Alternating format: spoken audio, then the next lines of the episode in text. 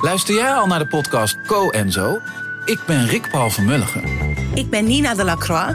En samen met jouw man René voeden wij twee kinderen op in twee huizen. Co-ouderschap. We hebben het over alles wat je daarin tegenkomt. Maar ook over de juice tijdens onze kinderloze dagen, want die heb je ook in het co-ouderschap. Een podcast voor alle ouders in alle vormen, maar ook voor alle mensen zonder kinderen. Zijn we eerlijk, heerlijk herkenbaar. Dus luister naar Co en Zo in je favoriete podcast-app.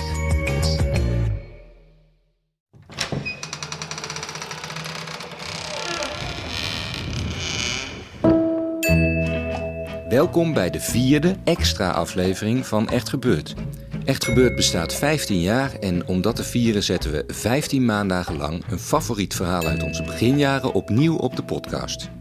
Deze week een verhaal dat Victor Brands in november 2008 vertelde bij een verhalenmiddag met het thema Gevangen.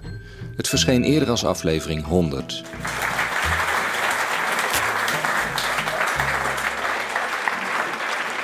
Ik eh, neem jullie mee naar een uh, tijd waarin ik uh, drie jaar uh, spendeerde in een gevangenis of in diverse gevangenissen in de Verenigde Staten. In het pittoreske Oost-Texas. Waar ik drie jaar mocht spenderen omdat ik wat stoute dingen had gedaan. de FBI en de DEA zijn instanties die in Amerika proberen mensen op te sporen en proberen daar uh, ze te verhoren en proberen ze daar alle waarheid uit ze te krijgen. En een van de tactieken die ze daarvoor gebruiken, dat is het zogenaamde asfalttherapie. En asfalttherapie is een soort slang, een bijwoord geworden. Uh, het betekent niks anders dan dat ze gevangenen die al ergens in de gevangenis zitten, continu laten reizen, zodat die mensen niet kunnen wortelen en die mensen niet kunnen aarden en dan hopen ze dat uiteindelijk die mensen een keer gaan praten. Uh, in die drie jaar dat ik uh, in Amerika verbleef in gevangenissen, hebben ze mij een aantal keer van die uh, asfalttherapie roadtrips gedaan. En het volgende verhaal gebeurde tijdens een van deze roadtrips, om het maar zo te noemen. Ik ehm, moest voor verhoor komen in Atlanta. En de FBI had me op zo'n roadtrip gestuurd om daar verhoord te worden. Ehm, Overigens dacht de FBI dat ik veel meer wist dan dat ik daadwerkelijk ook wist. En ik was de enige die echt wist van ja jongens, ik weet niet meer, ik kan wel dingen gaan verzinnen. Um, onderweg tijdens die roadtrips kwam ik wel jongens tegen die 17 maanden al aan het reizen waren zo. En uh, ja, dat zijn vrij onmenselijke zaken. Ik bevind me in een cellencomplex ondergronds in Atlanta. Onder een groot ja, gerechtsgebouw, om het maar zo te zeggen. En um, geketend aan uh, polsen, enkels en om een middel heen uh, slentrik van een ondergrondse cel word ik naar een verhoorcel gebracht. Moet je je voorstellen, de stank van urine en ontsmetting, ontsmettingsmiddel loopt daar een beetje door elkaar heen.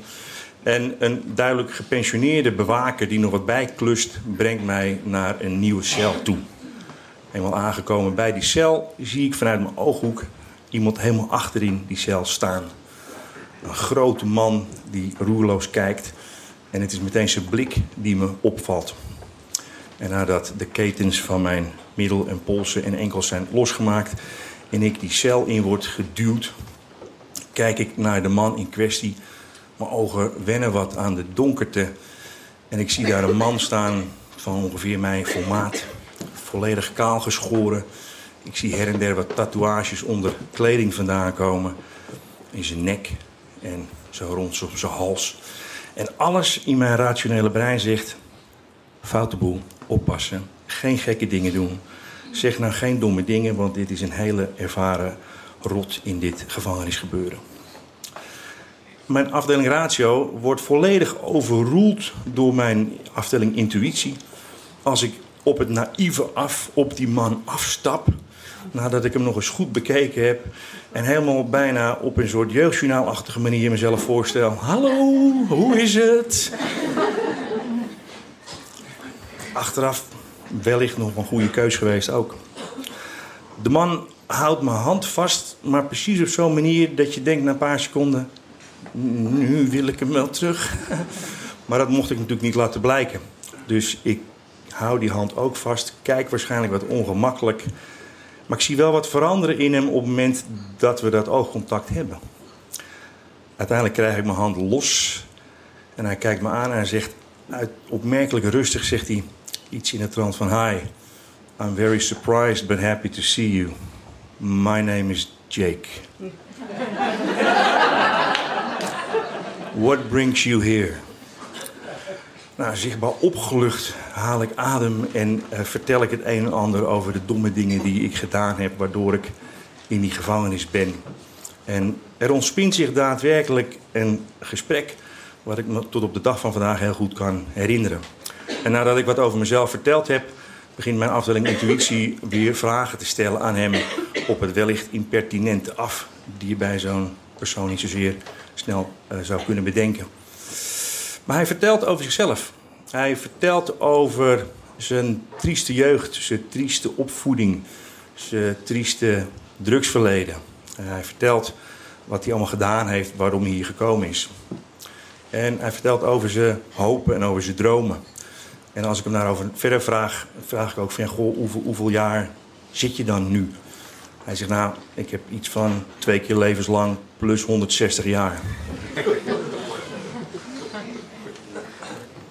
Ik weet me oprecht geen houding te geven. En ik heb ook, ik heb ook geen idee hoe ik daarop moet reageren. En, en zeg dat dan ook gewoon tegen hem. En hij vindt dat dan weer ja, oprecht en ontwapenend. En daar kon ik dan ook weer niet op reageren. Dus ik zit er een beetje heel dom en bleu voor me uit te kijken. En toch praten we verder. En ik vraag hem ook van, goh, hoe, hoe, hoe zit dat dan? En uiteindelijk heeft hij maar twintig jaar straf gekregen voor wat gewapende overvallen. En al die andere straffen heeft hij gekregen door moorden die hij gepleegd heeft binnen gevangenissen.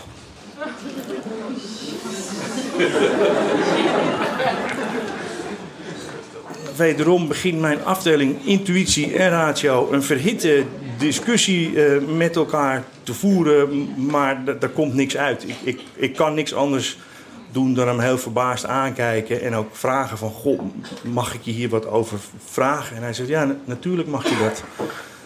En hij zegt ook van ja, hij zegt, het enige wat mij hier nog houdt is, is mijn dochter. En daar vertelt hij over. En hij vertelt ook hoe hij dan de laatste moord heeft gedaan. En daar komt hij hier, zoals hij nonchalant zegt, even 300 maanden straf voor halen. Maar ja, met twee keer levenslang. En weet je wel, het maakt hem niet meer uit.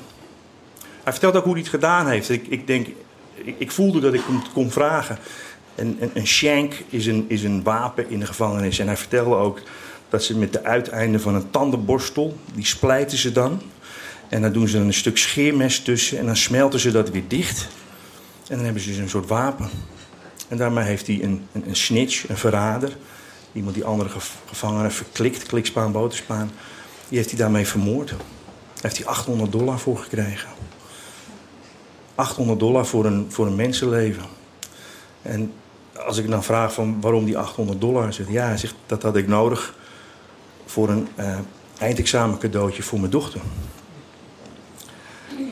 Ja, ik, ik zit te tollen in, in, in, dat, in dat gekke celletje daar zo met z'n tweeën, omdat ik al in een hele vreemde wereld ben, maar nu met hem echt een gradatie kom waarvan ik echt denk, dit, dit ga ik nooit meer hopelijk ooit meemaken.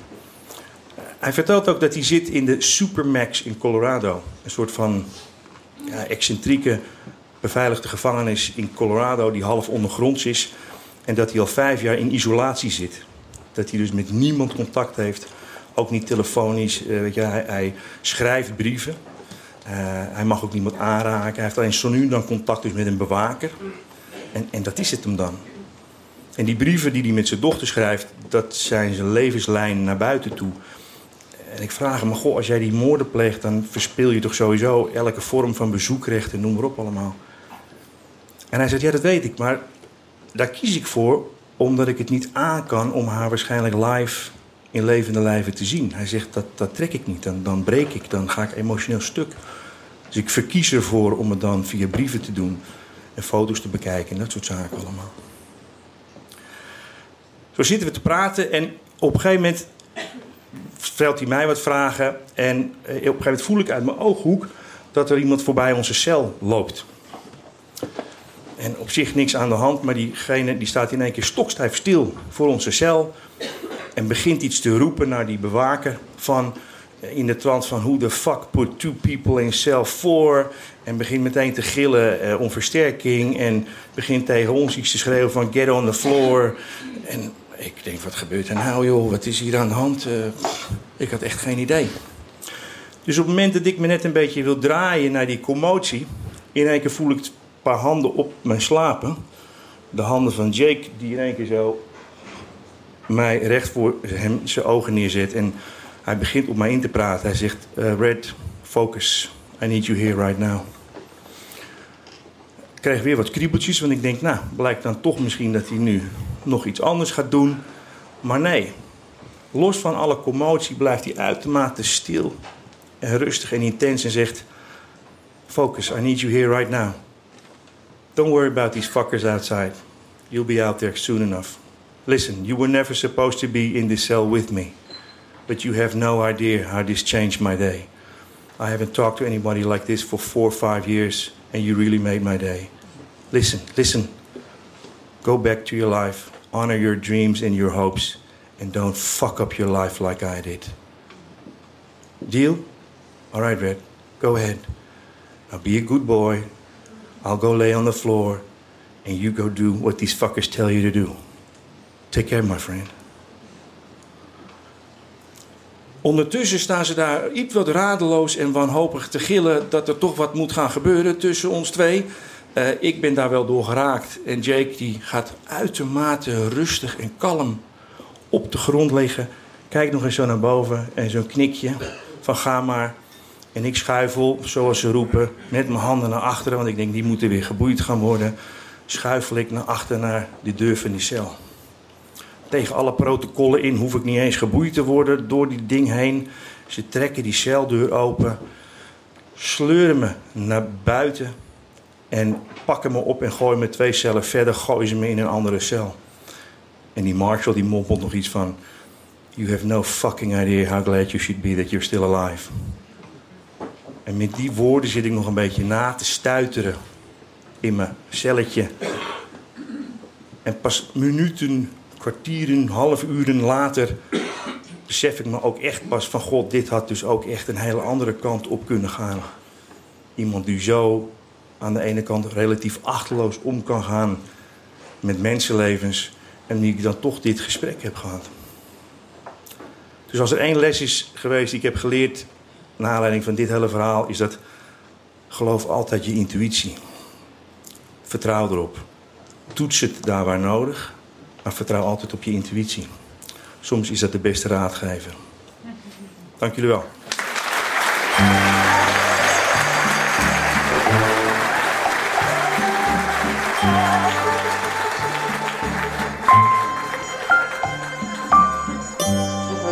Dat was een verhaal van Victor Brands uit 2008, dat eerder verscheen als aflevering 100 van onze podcast. Komende donderdag aflevering 448 met een nieuw verhaal gepresenteerd door Paulien Cornelissen. En volgende week maandag de vijfde bonusaflevering waarvoor ik, Gijsbert van der Wal, het archief induik, figuurlijk dan hè, en een oud verhaal afstof, ook figuurlijk. Tot later.